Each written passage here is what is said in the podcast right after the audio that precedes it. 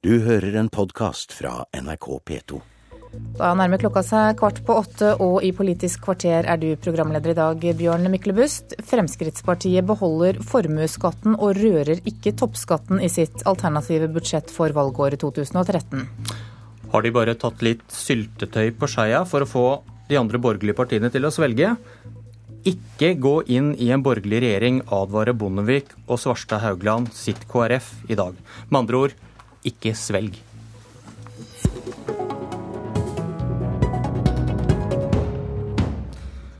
Parlamentarisk nestleder i Fremskrittspartiet, Ketil Solvik-Olsen, velkommen. Takk for det. Nå passer det jo å minne om at du fikk jobben med å gjøre Frp spiselig for andre. Eh, på hvilken måte er deres alternative skatteopplegg med på å løse oppgaven, tror du? Jeg syns det er litt rart å høre hvordan NRK vinkler denne saken her. For ofte så får vi kritikk fra de andre partiene for at vi gir for mye i skattelettelse i sum. Og Så har NRK denne gangen her tatt kun utgangspunkt i formuesskatten og later som at vi trekker oss på den. Fremskrittspartiet har aldri foreslått å fjerne den som, som, en hovedsak. Vi har aldri foreslått å fjerne den i noe statsbudsjett. Men vi foreslår i år, som i fjor, å ta en gradvis reduksjon av den. Og vi øker nå innslagspunktet opp til 1 million kroner, sånn at nesten 100 000 færre nordmenn trenger å betale formuesskatten sammenlignet med regjeringspolitikk. Men det viktigste grepet vi gjør, og som koster mye penger, det er å gi økt minstefradrag til alle på inntektsskatten. Det vil gi 5600 kroner i skattelettelse for hver nordmann som betaler inntektsskatt. Det er en ganske formidabel skattelettelse. Så jeg kom egentlig til studio her for å få kritikk for at vi gir for mye skattelettelse, og så vinkler NRK som vi gir for lite. Så da har vi sikkert truffet akkurat, er det ikke det vi sier som politikere? Og da er du kanskje klar til å svare på spørsmålet på hvilken måte er deres alternative skatteopplegg med på å løse den oppgaven om å, om å gjøre FrPs skattepolitikk mer spiselig for kanskje mannen ved siden av det her? Vi er mest opptatt av at vår skattepolitikk skal være attraktiv for velgerne som tenker som Frp, nemlig at vi skal beholde litt mer av vår inntekt Eh, effektivisere offentlig sektor, og dermed så vil alle komme bedre ut. Så har vi i år som i fjor gjort de vinklingene som er viktige i forhold til den økonomiske situasjonen landet er i. Nå er det relativt trangt på arbeidsmarkedet, altså det er manko på arbeidskraft. Den beste virkemiddelen for å få flere til å jobbe litt mer, det er å gi skattelettelse til de med lave og middels inntekt, og det er derfor vi prioriterer sånn som vi gjør i år. Det skal vi komme tilbake til, ikke alle er enig i det. Du, eh, Tar du for gitt at det må komme omfattende skatteletter med en borgerlig regjering? Ja, Det syns jeg er naturlig. Statsbudsjettet har altså økt med over 400 milliarder kroner fra 2005 fram til i dag. Om du da gir, eh, sånn som vi foreslår, litt over 20 milliarder kroner i skattelettelse, så betyr altså ikke det en betydelig innstramming i offentlig sektor. Tvert imot, det betyr bare at økningen blir litt mindre enn det den har vært. Eh, vi må vise at vi kan effektivisere offentlig sektor, styrke de prioriterte områdene sånn som helse, infrastruktur, eldreomsorg, og samtidig gi skattelettelse, sånn at du stimulerer folk til å jobbe litt mer, stimulerer næringslivet til å investere litt mer. Mannen ved din side, Hans Olav Syversen, parlamentarisk leder i Kristelig Folkeparti. Jeg må begynne med dagens forside av Aftenposten. KrF-veteraner advarer mot Høyre. Kjell Magne Bondevik og Valgjerd Svarstad Haugland advarer da ditt parti mot å gå inn i en borgerlig regjering. KrF er for lite, Høyre og Frp er for store. Og forrige gang dere satt i regjering, var dere med på store skatteletter og en halvering av partiet. Hva svarer du dem? Jeg svarer at uh, man skal kanskje lese litt mer enn det som står i overskriftene. For det de sier, det er jo at uh, man bør tenke seg nøye gjennom hva man gjør etter et valg hvor det eventuelt blir et skifte.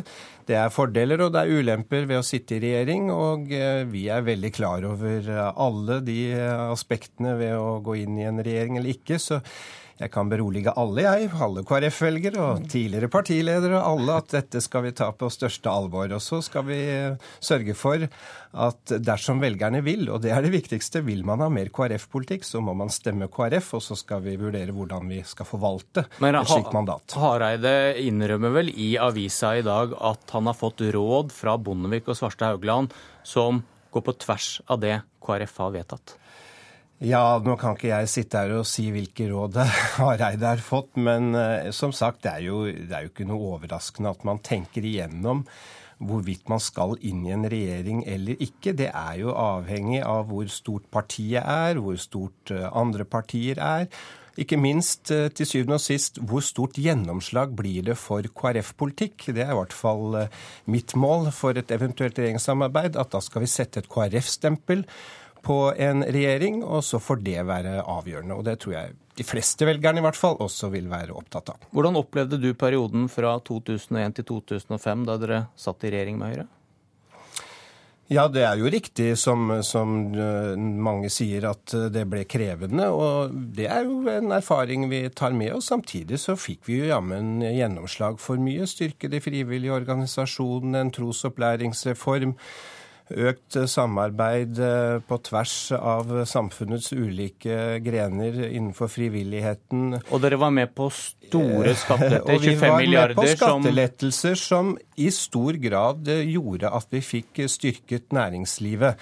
Og det var veldig viktig, for eh, det hadde den forrige regjeringen, Arbeiderpartiet, da kjørt i grøfta. Men, hvor, hvor, men si... hvor, hvorfor trengte dere da en havarikommisjon? For dette høres jo ut som en, du, jeg, et eventyr. Havari og havarikommisjon, men når over 12 en, når en regjeringsdeltakelse og vi får et valg hvor vi blir halvert, så tror jeg alle skjønner at da tenker man hva var det som gjorde det? Og Det var mange grunner til det, og en av årsakene var nok at det ble satt et stempel på at den regjeringen eh, var først og fremst opptatt av skattelettelser. Det mener jeg ikke var riktig, men det var det inntrykket som en del, litt for mange, satt igjen med. Så det er noe vi må ta med oss.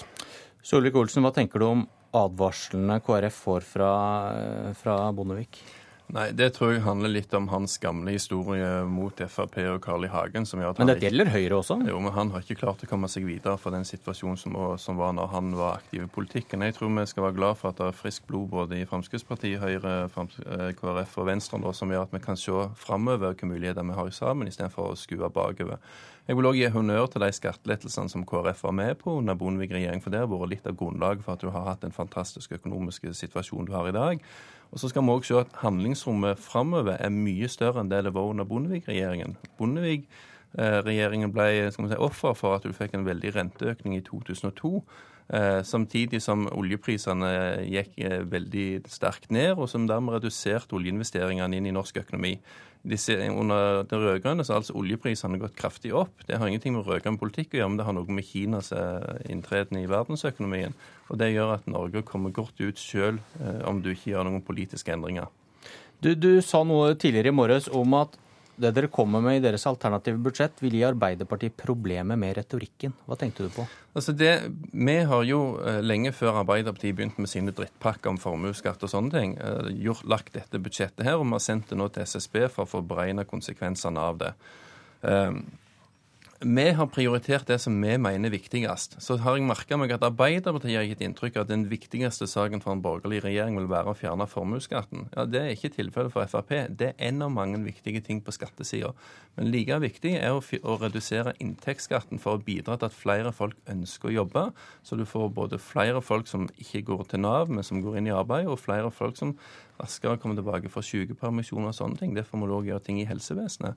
Men vår, vår største satsing har i alle år vært på minstefradrag på inntektsskatten ikke på formuesskatten. Så vi håper at dette her kan vri debatten, at vi diskuterer eh, proporsjonene riktig, og ikke late som at det eneste som er viktig for en ny borgerlig eller ikke-sosialistisk regjering, for å ta med KrF, er, er formuesskatten. Det er en del av en viktig pakke. Så Arbeiderpartiet mister et argument om at dere bare vil eh, please de rike? Ja, jeg tror ikke at Arbeiderpartiet slutter å bruke dette argumentet, fordi at Arbeiderpartiet har jo som regel eh, ikke forholdt seg til realitetene i eh, de borgerlige partienes politikk, men konstruert opp en virkelighet. Men la oss håpe at velgere velgerne ser hvordan vi prioriterer, i hvert fall. I Drammen sitter Arbeiderpartiets Torgeir Micaelsen og lurer på hva i all verden han skal si nå. Du har jo ikke noen argumenter igjen. Nei, først er det jo det kunne vært artig å si mye om den historieskrivinga som nå foregår rundt uh, hva som skjedde uh, før vi vant valget i 2005. Men jeg syns vi skal uh, la det ligge nå. Nei, jeg har ikke så store problemer, egentlig. Jeg syns dette er ganske klassisk. Jeg har opplevd det nå flere ganger i de årene jeg har sittet på Stortinget. at det ene året mener eh, Fremskrittspartiet noe, det andre året mener de noe helt annet. Jo, men det er jo ikke eh, Altså, eh, Solvik-Olsen Ja, jeg hører. Jeg, jeg, jeg syns du snakker tull, men det er greit.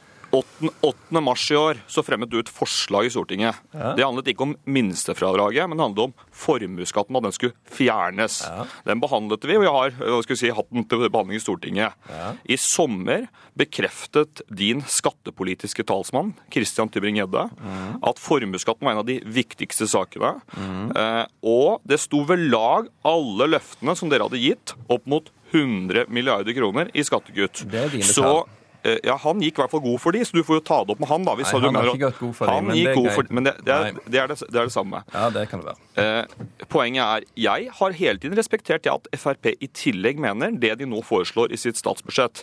Men jeg synes ikke det er riktig å tenke seg at hvem er det som skulle tro at de bare skulle gå videre med dette. Jeg tror at dette eh, som de nå foreslår, kommer helt sikkert, eller hvis Frp får styre. Men i tillegg så kommer en rekke andre forslag. og Det gjelder jo formuesskatten.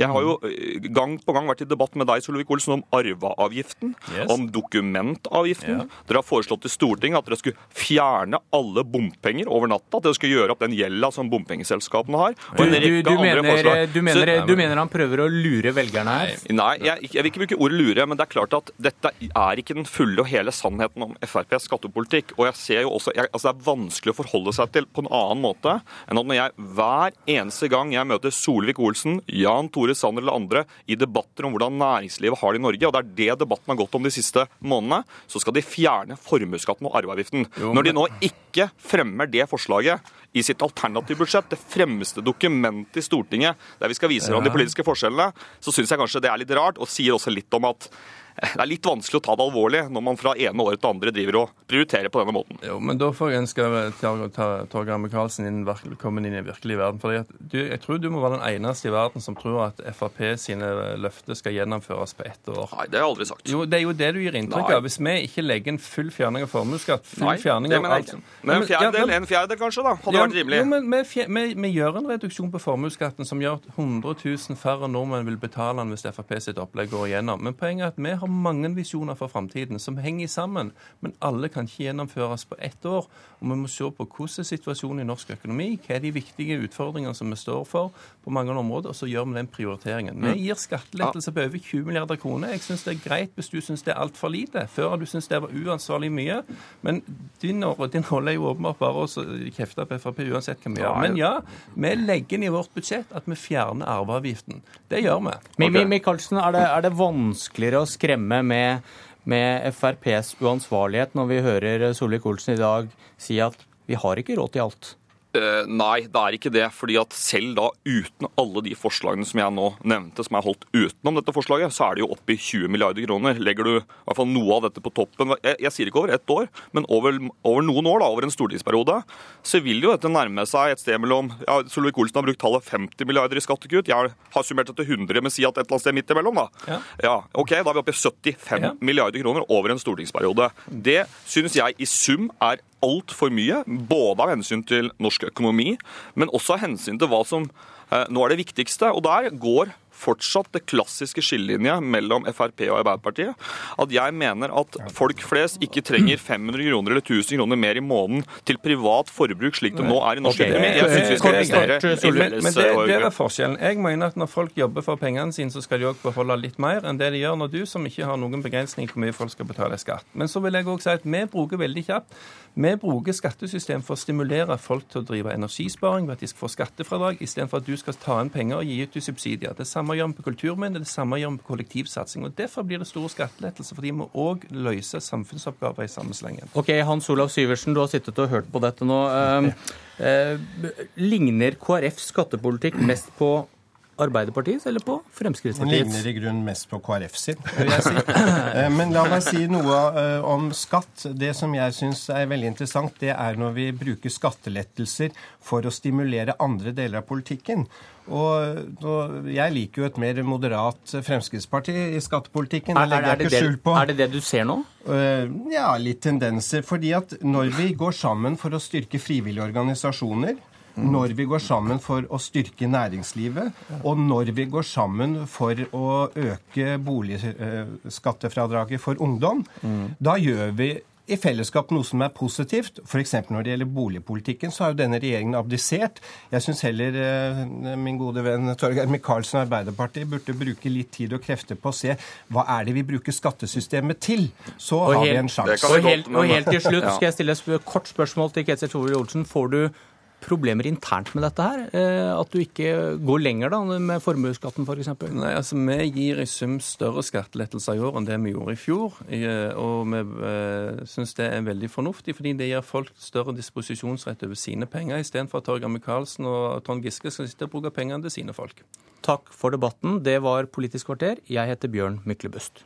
Du har hørt en podkast fra NRK P2.